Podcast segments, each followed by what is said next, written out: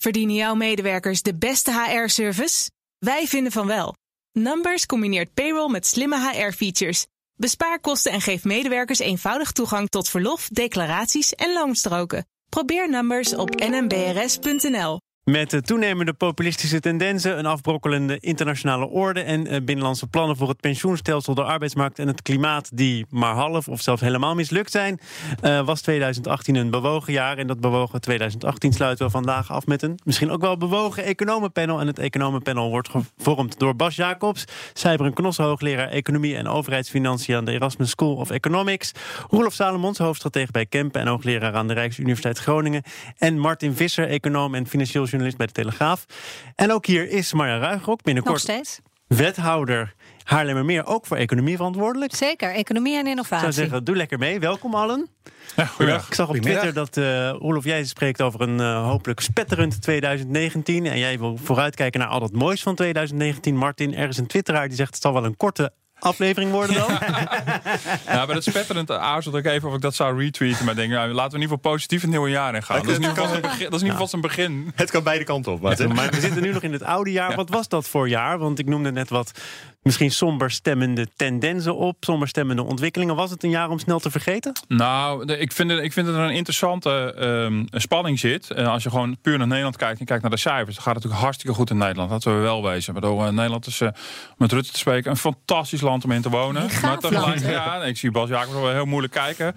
maar ik zou er bezwaar tegen hebben om alleen maar de negatieve zaken op te sommen. Maar je ziet een kabinet die er grote moeite mee heeft om dat ook bij de mensen te brengen, om het te zeggen. En tegelijkertijd op een, op, uh, met name op sociaal-economisch terrein uh, grote ambities heeft wat betreft hervormingen. En die lopen allemaal nog redelijk in de modder.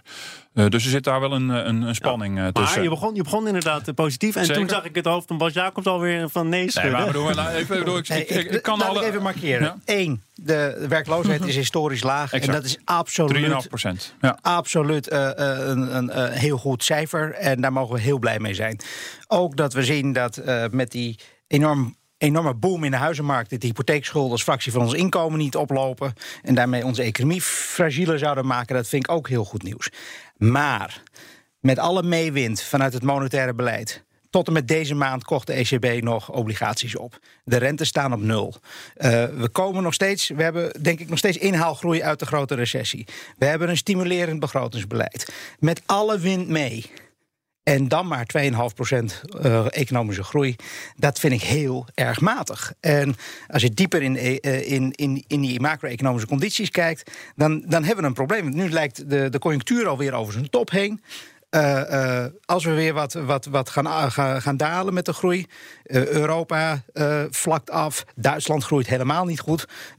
mochten er allemaal dingen misgaan met Brexit en met Trump. Ja, dan kunnen we niks doen. Monetair beleid kunnen we nog steeds niks doen. Begrotingsbeleid is ingesnoerd. Dus ik ben niet zo optimistisch.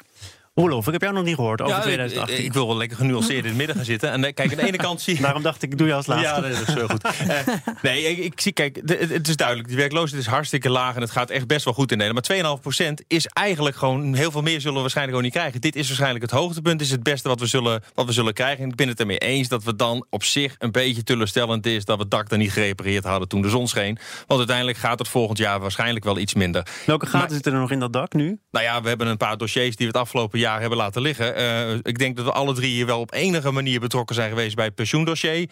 Nou ja, dat is gewoon weer geparkeerd. Daar zijn we nu al tien jaar lang aan het, uh, aan het polderen. Um, de klimaattafels, uh, nou ja, daar gaat het de goede kant op. Maar ja, we hebben een topzomer gehad. Dat is denk ik de meeval van het afgelopen jaar. maar uiteindelijk heeft het nog niet ertoe geleid dat iedereen doordrongen is dat er daar wel iets moet gaan gebeuren. Um, nou de en je zegt, als het nu niet gebeurt, hè, als de zon schijnt en het er nog nou, steeds gaat in het dak, dan heb je dus je kans gemist. Het wordt een stuk lastiger om dat te doen op het moment dat, het, dat, uh, dat je wat economische tegenwind hebt. En die economische tegenwind die gaat er nu helaas wel een keer weer komen. Ja. En, en ook hier, die pensioenhervorming. Ik vind het echt, echt de, de, de grootste misser van het afgelopen jaar. Ik bedoel, als er een moment was geweest om dat te regelen, was het nu geweest. Dit was een, de grootste hervorming van Rutte 3. Uh, en, en dat is gewoon uh, uh, geklapt. En ik zie het ook niet op korte termijn gebeuren dat het weer goed komt. de arbeidsmarkt, daar hebben we natuurlijk ook al jarenlang discussies over. Over de flexwerkers en de zelfstandigen. daar gebeurt ook heel weinig. Ook al Er ligt er nu een wel wat. wet. De wet arbeidsmarkt eh, Ja, in dat was de balans. Er gebeurt wel wat, Ja. maar, maar daar zie je dat, dat eh, vanuit de Kamer eh, voortdurend allerlei eh, roep is op doortastendheid van, van de regering. Maar die- dat lijkt toch heel inge- ingewikkeld te zijn om bijvoorbeeld de opvolger voor die DBA te verzinnen. Je ziet dat ook als het gaat over de Er is een fiscale- commissie samengesteld. de fiscale, ja, ja, zeker. De fiscale verschillen tussen zelfstandigen en, en gewone werknemers zijn nog steeds heel groot. Daar wordt niets aan gedaan. Eh, de rol van de verzekering van, eh, voor ongeschiktheid bij zelfstandigen, de pensioenopbouw voor zelfstandigen zijn grote dossiers die blijven liggen. En eh, als het gaat over het klimaat, werd al aangeroerd. Eh, ik denk dat we weer gaan kiezen voor het subsidiëren voor van vervuilende bedrijven. In plaats van wat alle economen ongeveer wereldwijd zeggen: beprijzen van CO2-uitstoot. En dat betekent niet per se dat je bedrijven gemiddeld zwaarder gaat belasten. Gaat gewoon teruggeven, bijvoorbeeld met, met lagere gewone belastingen. Maar zorgen ervoor dat de prijzen goed komen. En nu gaan we eh, op kosten van de belastingbetaler weer grote bedrijven die het meest vervuilen subsidiëren. Vind ik een slecht, slecht beleid. Martin, die hervorming op de arbeidsmarkt en met name die pensioenen, die heb jij ook nauwlettend gevolgd, Ja. veel over geschreven in de Ja. Waarop is dat geklapt? Is dat eh, politieke onwil? Zijn er te veel belangen die er spelen? Eh, vakbonden, werkgeversorganisaties die hun posities niet durven te verlaten, die hun achterban tevreden moeten stellen? Nou ja, wat, wat, wat het onderhandelingstechnisch volgens mij misging... is dat in de eindfase het eigenlijk nog te veel geschilpunten waren. Dat op een gegeven moment premier Rutte instapte en dacht... ik maak het chefzag en dan, dan tikken we dat even af. En vervolgens lagen daar zeker vijf zwa- zware eisen vanuit de vakbonden. Daar heeft hij zich denk ik behoorlijk vergalopeerd. Hij is eh, denk ik de vakbonden wel een end tegemoet ge- gekomen. Maar hij heeft zich onvoldoende gerealiseerd... hoe zwaar op de maag bij de vakbondsachterban ligt...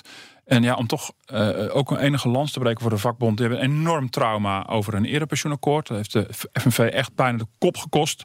Dus die, de, hoe dan ook zal welk pensioenakkoord dan echt heel moeilijk door die achterban kunnen. En daar heeft de FNV mee te maken. Maar iemand Ehm, die ook, net als Rutte, kon- toch ik- al Sorry. weet dat dat pensioenoverleg jaren aan de gang is, die kan daar toch nooit te lichtzinnig over denken? Nee, maar nou, toch is daar. Ik, ik, weet, ik weet niet waarom, maar toch is daar op een manier is misgegaan. Nou, en, en uiteindelijk spitste zich toe, op de AOW. Bedoel, uiteindelijk eh, ging het over de, de, de, de koppeling van de stijging van de AOW-leeftijd met de levensverwachting. Eh, dat is eigenlijk pas verre toekomst. En de komende jaren stijgt er gewoon stapje voor stapje.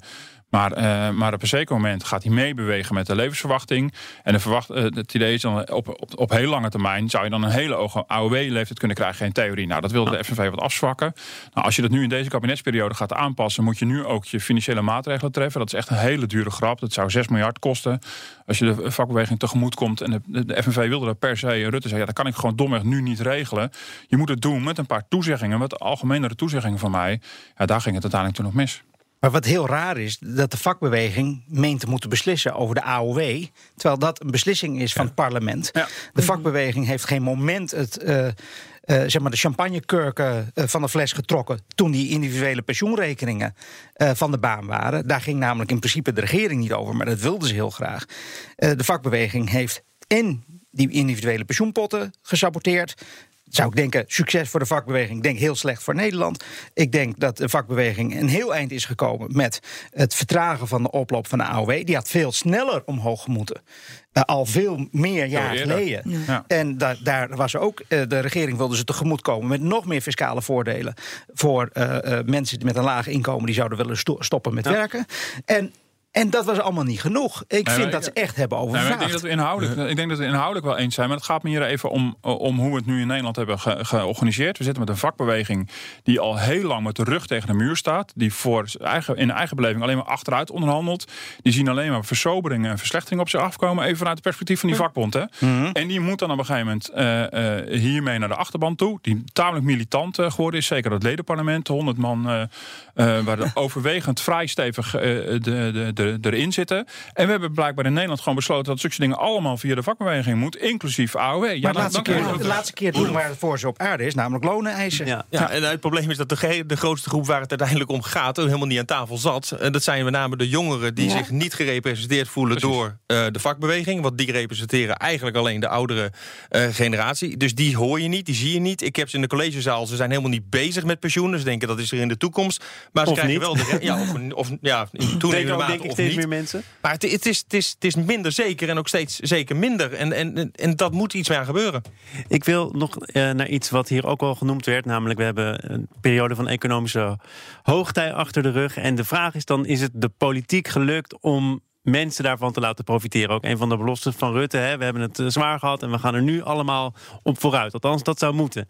En als je nu kijkt naar het sentiment, zeker ook de afgelopen weken. Nu mensen begrijpen, mijn boodschappen worden duurder. Ik ga voor meer geld naar de kapper. Die zijn allemaal nu nog extra boodschappen aan het doen. In de zekerheid dat het volgend jaar allemaal duurder wordt. Die zien hun energierekening omhoog schieten. En tegelijkertijd zegt dit kabinet, ja, in koopkracht gaan we er uiteindelijk, als je het eind van de maand je loonstrookje bekijkt, wel op vooruit.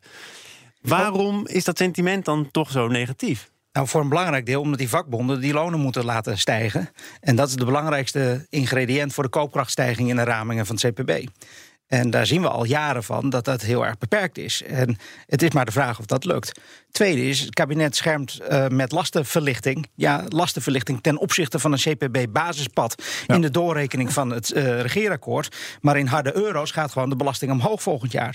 Zelfs al, uh, de lasten gaan minder... even uitleggen? Want in het ik de lasten dus gaan minder omhoog dan ze omhoog zouden zijn gegaan zonder de regering.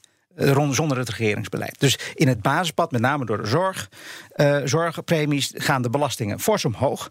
En nu gaan ze iets minder fors omhoog. Maar heb ik nou per maand meer of minder te besteden? Je hebt wel iets meer te besteden, maar dat heeft weer te maken met dat de, de, de loongroei positief is en een paar andere dingen in de economie. Dus ga je er dan op vooruit? Je gaat er wel op vooruit, maar dat is niet per se door het regeringsbeleid. Nee, en ik geef het uit eh, aan boodschappen die duurder worden en een hogere energierekening. Ja, maar daar gebeurt heel veel tegelijk, dus je kan dat niet eruit uitpikken. Het is heel goed dat die btw-verschillen tussen het hoge en een lage tarief verkleind worden.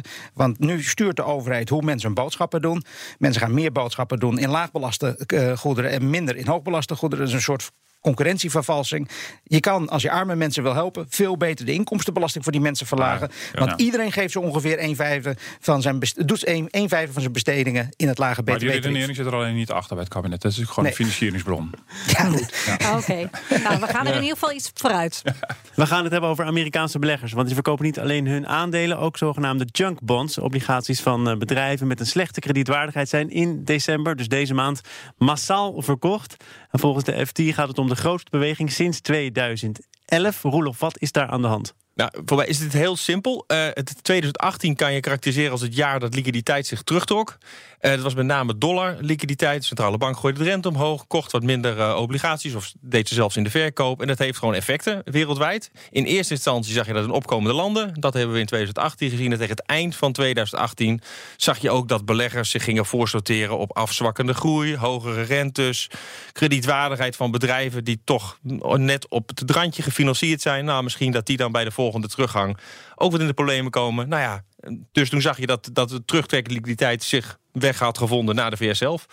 Um, en daarom denk ik dat het gevolg daarvan ook meteen is... dat de renteverhogingen voor de centrale bank meteen naar de achtergrond zijn geduwd. Want nu zie je dat uh, renteverhogingen wel ook een economisch effect zullen gaan hebben. Ja, nou, dit is allemaal heel goed uitgelegd. Zo zou het in de boeken staan. Is het ook iets waar je zorgen over zou moeten maken? Nou, je moet je, ik denk dat voor mij was het vorig jaar rond deze tijd... Het was hier een discussie over van de schuldenposities en de schuldenberg... die, uh, die er gewoon nog steeds is. Ja, ik heb die thema's ja. er even bij gepakt. Nou er is eigenlijk heel weinig veranderd in 2018. Nou, er is nog wel wat veranderd. Dus er zijn gewoon meer schulden dan vorig jaar. Ja, precies. Maar ze zijn um, er nog altijd en je kunt je er nog altijd zorgen over je maken. Je kunt je er altijd zorgen over maken. En ik denk dat je tegen het einde van een economische cyclus... waar een centrale bank de rente in Amerika echt al vrij fors verhoogd heeft... want we waren gewoon echt negatief... Uh, en we zijn nu uh, 2% positief. Er is al heel wat renteverhoging geweest. Ja, tegen het einde van de cyclus moet je je denk ik zorgen maken over waar de zwakke broeders zitten. Nou ja, en die zitten daar. Ja, maar, maar waren die uitlating van de Fed, dat vind ik nog zelfs nog, uh, nog een beetje raadselachtig. Waren die nou zo heel erg verrassend? Ik bedoel, er is best wel heftig op gereageerd. Ja. Het aantal renteverhogingen dat ze aangingen kondigen. Dus op zich zou je dat toch verwachten op, op dit moment? Of. Ja, ik denk dat de grote verrassing was dat ze in, okto in oktober zeiden van we zitten nog ver onder neutraal. En ineens was het twee maanden later en één kwartje hoger was het van... Ah, misschien zijn we toch al wel neutraal. Ja, bij neutraal ja, wil niemand zeggen, weet wat, wat neutraal het, uh, wat is. het uh, niveau waarop je een economie nog zou moeten stimuleren of niet, toch? Ja, dat is een niveau waarin de economie gaat, gaat verkrappen eigenlijk. Ja. Uh, en dat punt ligt dus, ondanks dat de rente heel laag is... blijkbaar dus nu al rond dit niveau. En dan worden financiële markten een beetje nerveus. Bij, bij die hele lage rente zie je wel dat financiële markten sowieso nerveus zijn en bubbelig en schuimig. Ja. Want uh, de, de, de, de, de kapitaalbewegingen waarmee je betoog begon, die zijn voor mij ook een teken van die, die extreem lage rentes wereld, wereldwijd. Want al die beleggers zijn op zoek naar rendement. En die vliegen de aardbol over op zoek naar, uh, naar iets van, van een risicopremie, op zoek naar iets van meer dan risicovrije rente. En wat ik nu zie in die, in die, in die uh, corporate uh, bond markets, uh, markets en, en de, de, de, de, de debt obligations. Dus zeg maar, wat je bij de hypotheken had, had je die collateralized debt obligations. Nu zie je collateralized loan obligations. Daar zie ik wel gekke dingen gebeuren. Carmen Reinhardt had er ook een stuk over geschreven op Project Syndicate. Ik hoor verhalen uit de financiële sector dat daar heel veel liquiditeit naartoe gaat. dat ze daar heel veel liquiditeit naartoe zien, zien gaan. En dat daar gekke dingen op dit moment gebeuren. Ik kan het niet helemaal traceren, maar dit is iets om in de gaten te houden voor volgend jaar. Dat, uh, dat daar, zit, daar, zitten, daar, daar gebeuren nu, nu dingen die die, die een beetje zorgen moeten En als je dan zegt, uh, je refereert zelf aan die hypotheken, dat weten we allemaal, dat was de basis van de vorige crisis. Is het dan logisch dat je daar alweer naar verwijst of dat dat op de achtergrond een beetje gaat nou, spelen? Dit is dus een, een, een ding wat je in de gaten moet houden. Dat je niet zegt van ja, dit, dit hebben we niet gezien. Hier hebben we, uh, dit is ons volkomen uh, boven het hoofd gegroeid. Je ziet nu al dus bij die, bij die corporate bond markets dat daar, dat daar gekke dingen gebeuren. Dus dat is iets om in de gaten te houden. En, en ja, je ziet een soort mondiaal spelletje. Sommige collega's van mij noemen dit whack-a-mole. Zo'n zo'n Amerikaans spelletje. Dat je, dat je iets, iets, iets naar beneden moet slaan. en dan komt er iets anders weer omhoog. Wat je weer, die mondiale liquiditeitenmassa is op zoek naar rendement. En Ja. de ene plek verdwijnt weer in aandacht. Dan gaat het weer naar de andere. En dat verplaatst zich zo door het internationale sy- systeem. En dat is voor mij nog steeds een signaal dat het gek, gek gesteld is met de macro-economische moet er condities. ook nog komen. Hè? Maar dan Ja, de ECB moet moet er nog helemaal beginnen hiermee. Met, eh, de vet lapt al een eindje vooruit. Dus ik ben benieuwd wat dat dan weer voor gevolgen heeft. Maar over, over welke bedrijven gaat dit? Het gaat over bedrijven met slechte kredietwaardigheid. Die lopen dan gevaar. Maar is dat dan ook de categorie waar we het over hebben? Of zijn er heel veel meer bedrijven die bij een rente die omhoog gaat in de problemen dreigen te komen? Nee, het zijn met name de bedrijven die zich het scherpst gefinancierd hebben. En de afgelopen jaren, de schuldgroei is vrij enorm geweest. En juist als je de rente op nul houdt, zijn de bedrijven die eigenlijk misschien normaal gesproken niet zo snel krediet zouden krijgen. Die krijgen dan wel krediet, want de beleggers die gaan inderdaad zoeken. eh, dat whack-a-mole effect of het waterbed-effect. eh, ik bedoel, iedereen zoekt eh, het rendement waar hij dat kan krijgen. Ja, dan neem je iets meer risico.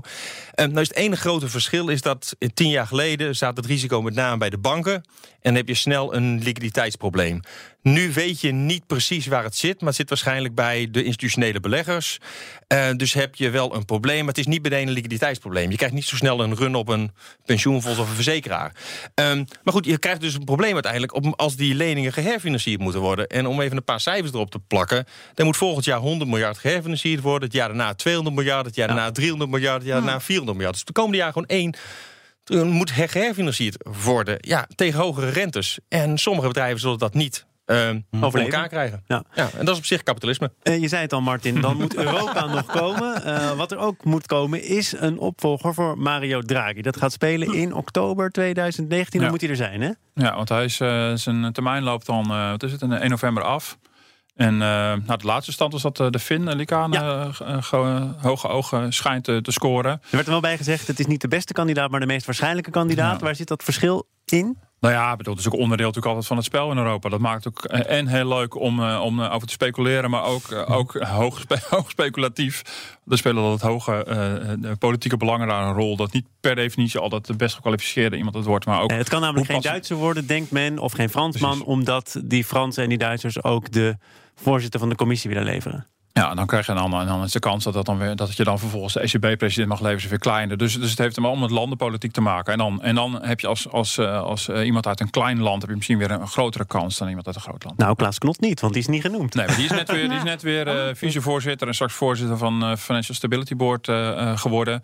Eh, dus dus ja, voor mij is zijn kans daar op een ECB-post natuurlijk weer kleiner eh, geworden. Nou, en ik weet ook niet of ze een havik als knot eh, daar willen hebben. Dat is ook weer zeer de vraag. Ja.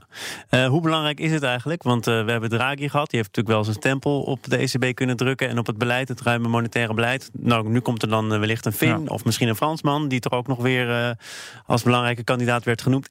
Is zo iemand, zo'n persoon uit een bepaald land, is dat echt van, van Zeker. grote Nou, ik denk op dat de? Draghi zeer zijn persoonlijke stempel heeft gedrukt eh, op, eh, op het beleid van, eh, van de afgelopen jaren. Kijk, in principe beslist dat hele bestuur met allemaal mensen uit allerlei landen bij elkaar, uit al die eurolanden.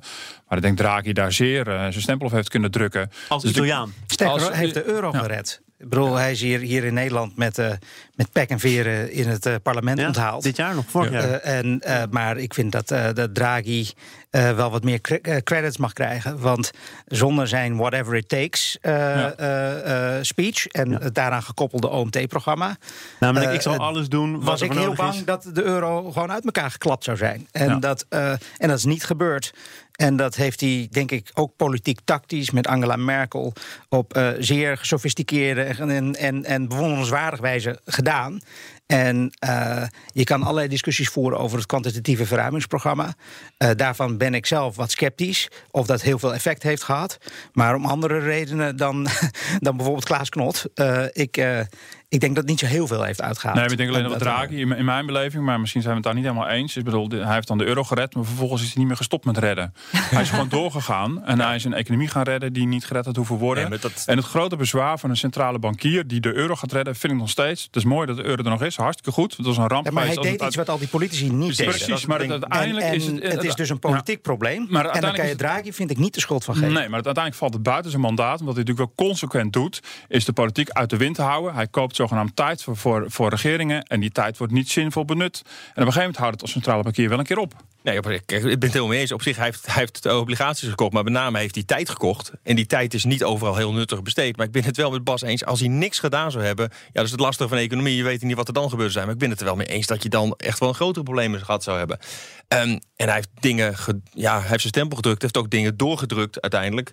Door te zeggen van, ik, door die speech te houden en dan nog wel meerdere speeches te houden. Waarbij hij de financiële markten een, een, een geluid heeft gegeven. En daarna terugging naar de boord. Zeggen van ja, maar als ik nu terug, als ik me nu omdraai, dan, Ja. dan, dan heb ik een probleem. Ja, en daar is hij een meester in geweest. En je mag hopen dat de volgende, in ieder geval dat spel ook goed aan weet te voelen. Wij zouden het nog hebben over het mooie, spetterende 2019. nou, dat kunnen we inderdaad kort doen, want we hebben nog een minuut of twee. Wat, is, wat ga jij, Roelof, in de gaten houden volgend jaar? Wat is voor jou de belangrijkste ontwikkeling die je op de voet moet blijven volgen? Ik denk dat twee dingen zijn. Eén is de kredietvergoeding op, eh, op bedrijfsobligaties... als een van de kanaries in de kolenmijn. En de andere voor de positieve kant. eh, je wil gewoon looninflatie zien. Ik denk dat dat, eh, dat wil je gewoon zien. En je wil looninflatie zien zodat de koopkracht verbetert. En dan heeft deze cyclus nog wel één of twee jaar te gaan. Want het is niet zo'n hele sterke cyclus geweest... dus je hoeft ook nog niet over te zijn. Bas, Ik eh, blijf naar de politiek kijken eh, met eh, enig angst en beven. Wat Trump gaat doen, wat er met Brexit gaat gebeuren. Of we in Europa de zaak een beetje bij elkaar kunnen houden, met Italië bijvoorbeeld. Dus daar zie ik ook de grootste risico's ontstaan voor de economie. We zitten op zich nog steeds, je zou kunnen zeggen, in een, in een gunstig, eh, relatief gunstig groeiscenario. Maar als het politiek misgaat, dan denk ik dat dat, eh, eh, dat, dat snel over is. En dat we mogelijk in 2019 of 20 weer in recessie en als je zegt Europa bij elkaar houden, moet je dan ook rekening houden met het feit dat Europa niet bij elkaar blijft, los van Brexit? Nou, je ziet in Europa enorme eh, zeg maar skepsis en kritiek op, eh, op eh, zeg maar de Europese Unie als geheel. Het beleid wat is gevoerd tijdens de crisis. Voor een deel is die, die skepsis ook terecht. Maar wat ik nu zie gebeuren in Polen of in Hongarije of in Italië. eh, maar ook met, met Brexit, ja, dat, dat stemt niet optimistisch. Ja, ik ga Wouter Koolmees volgen. We hebben het ook al over gehad. Met, eh, gaat er iets komen voor de ZZP'ers? Goede wetgeving, zodat het hele fast flex verhaal uh, eigenlijk goed geregeld wordt. Denk jij dat dat gaat gebeuren? Want we zijn er inderdaad al jaren Nou ja, over. als, eh, als hem dat niet lukt, ook hier in dan kunnen we zijn ministerschap als mislukt uh, beschouwen. Um, dus uh, ik, ik, voorlopig ga ik ervan uit dat, dat hij met, met, met iets gaat komen. Maar uh, als, als het nu niet gaat lukken, jongen. En uh, pensioen idem dito gaat naar de Provinciale Statenverkiezingen. Pensioendossier toch weer opgepakt worden. En ik kijk naar Hans de Boer. Gaan de werkgevers eindelijk leveren qua lonen? Want als de lonen komend jaar gaan tegenvallen, valt de koopkracht tegen. En dan valt het draagvlak onder het kabinet weg. En dat terwijl we toch positief zouden eindigen in dit Zeker. panel. Maar er zijn bubbels, hè? Ik bedoel, Ja, uh, precies. bubbels vanuit uh, Frankfurt. Dus bubbels zijn er. Dus, uh, En we hebben nog steeds groeicijfers. Maar uh, ze kunnen altijd wat somber uitgelegd worden. Maar groei is groei. Goed.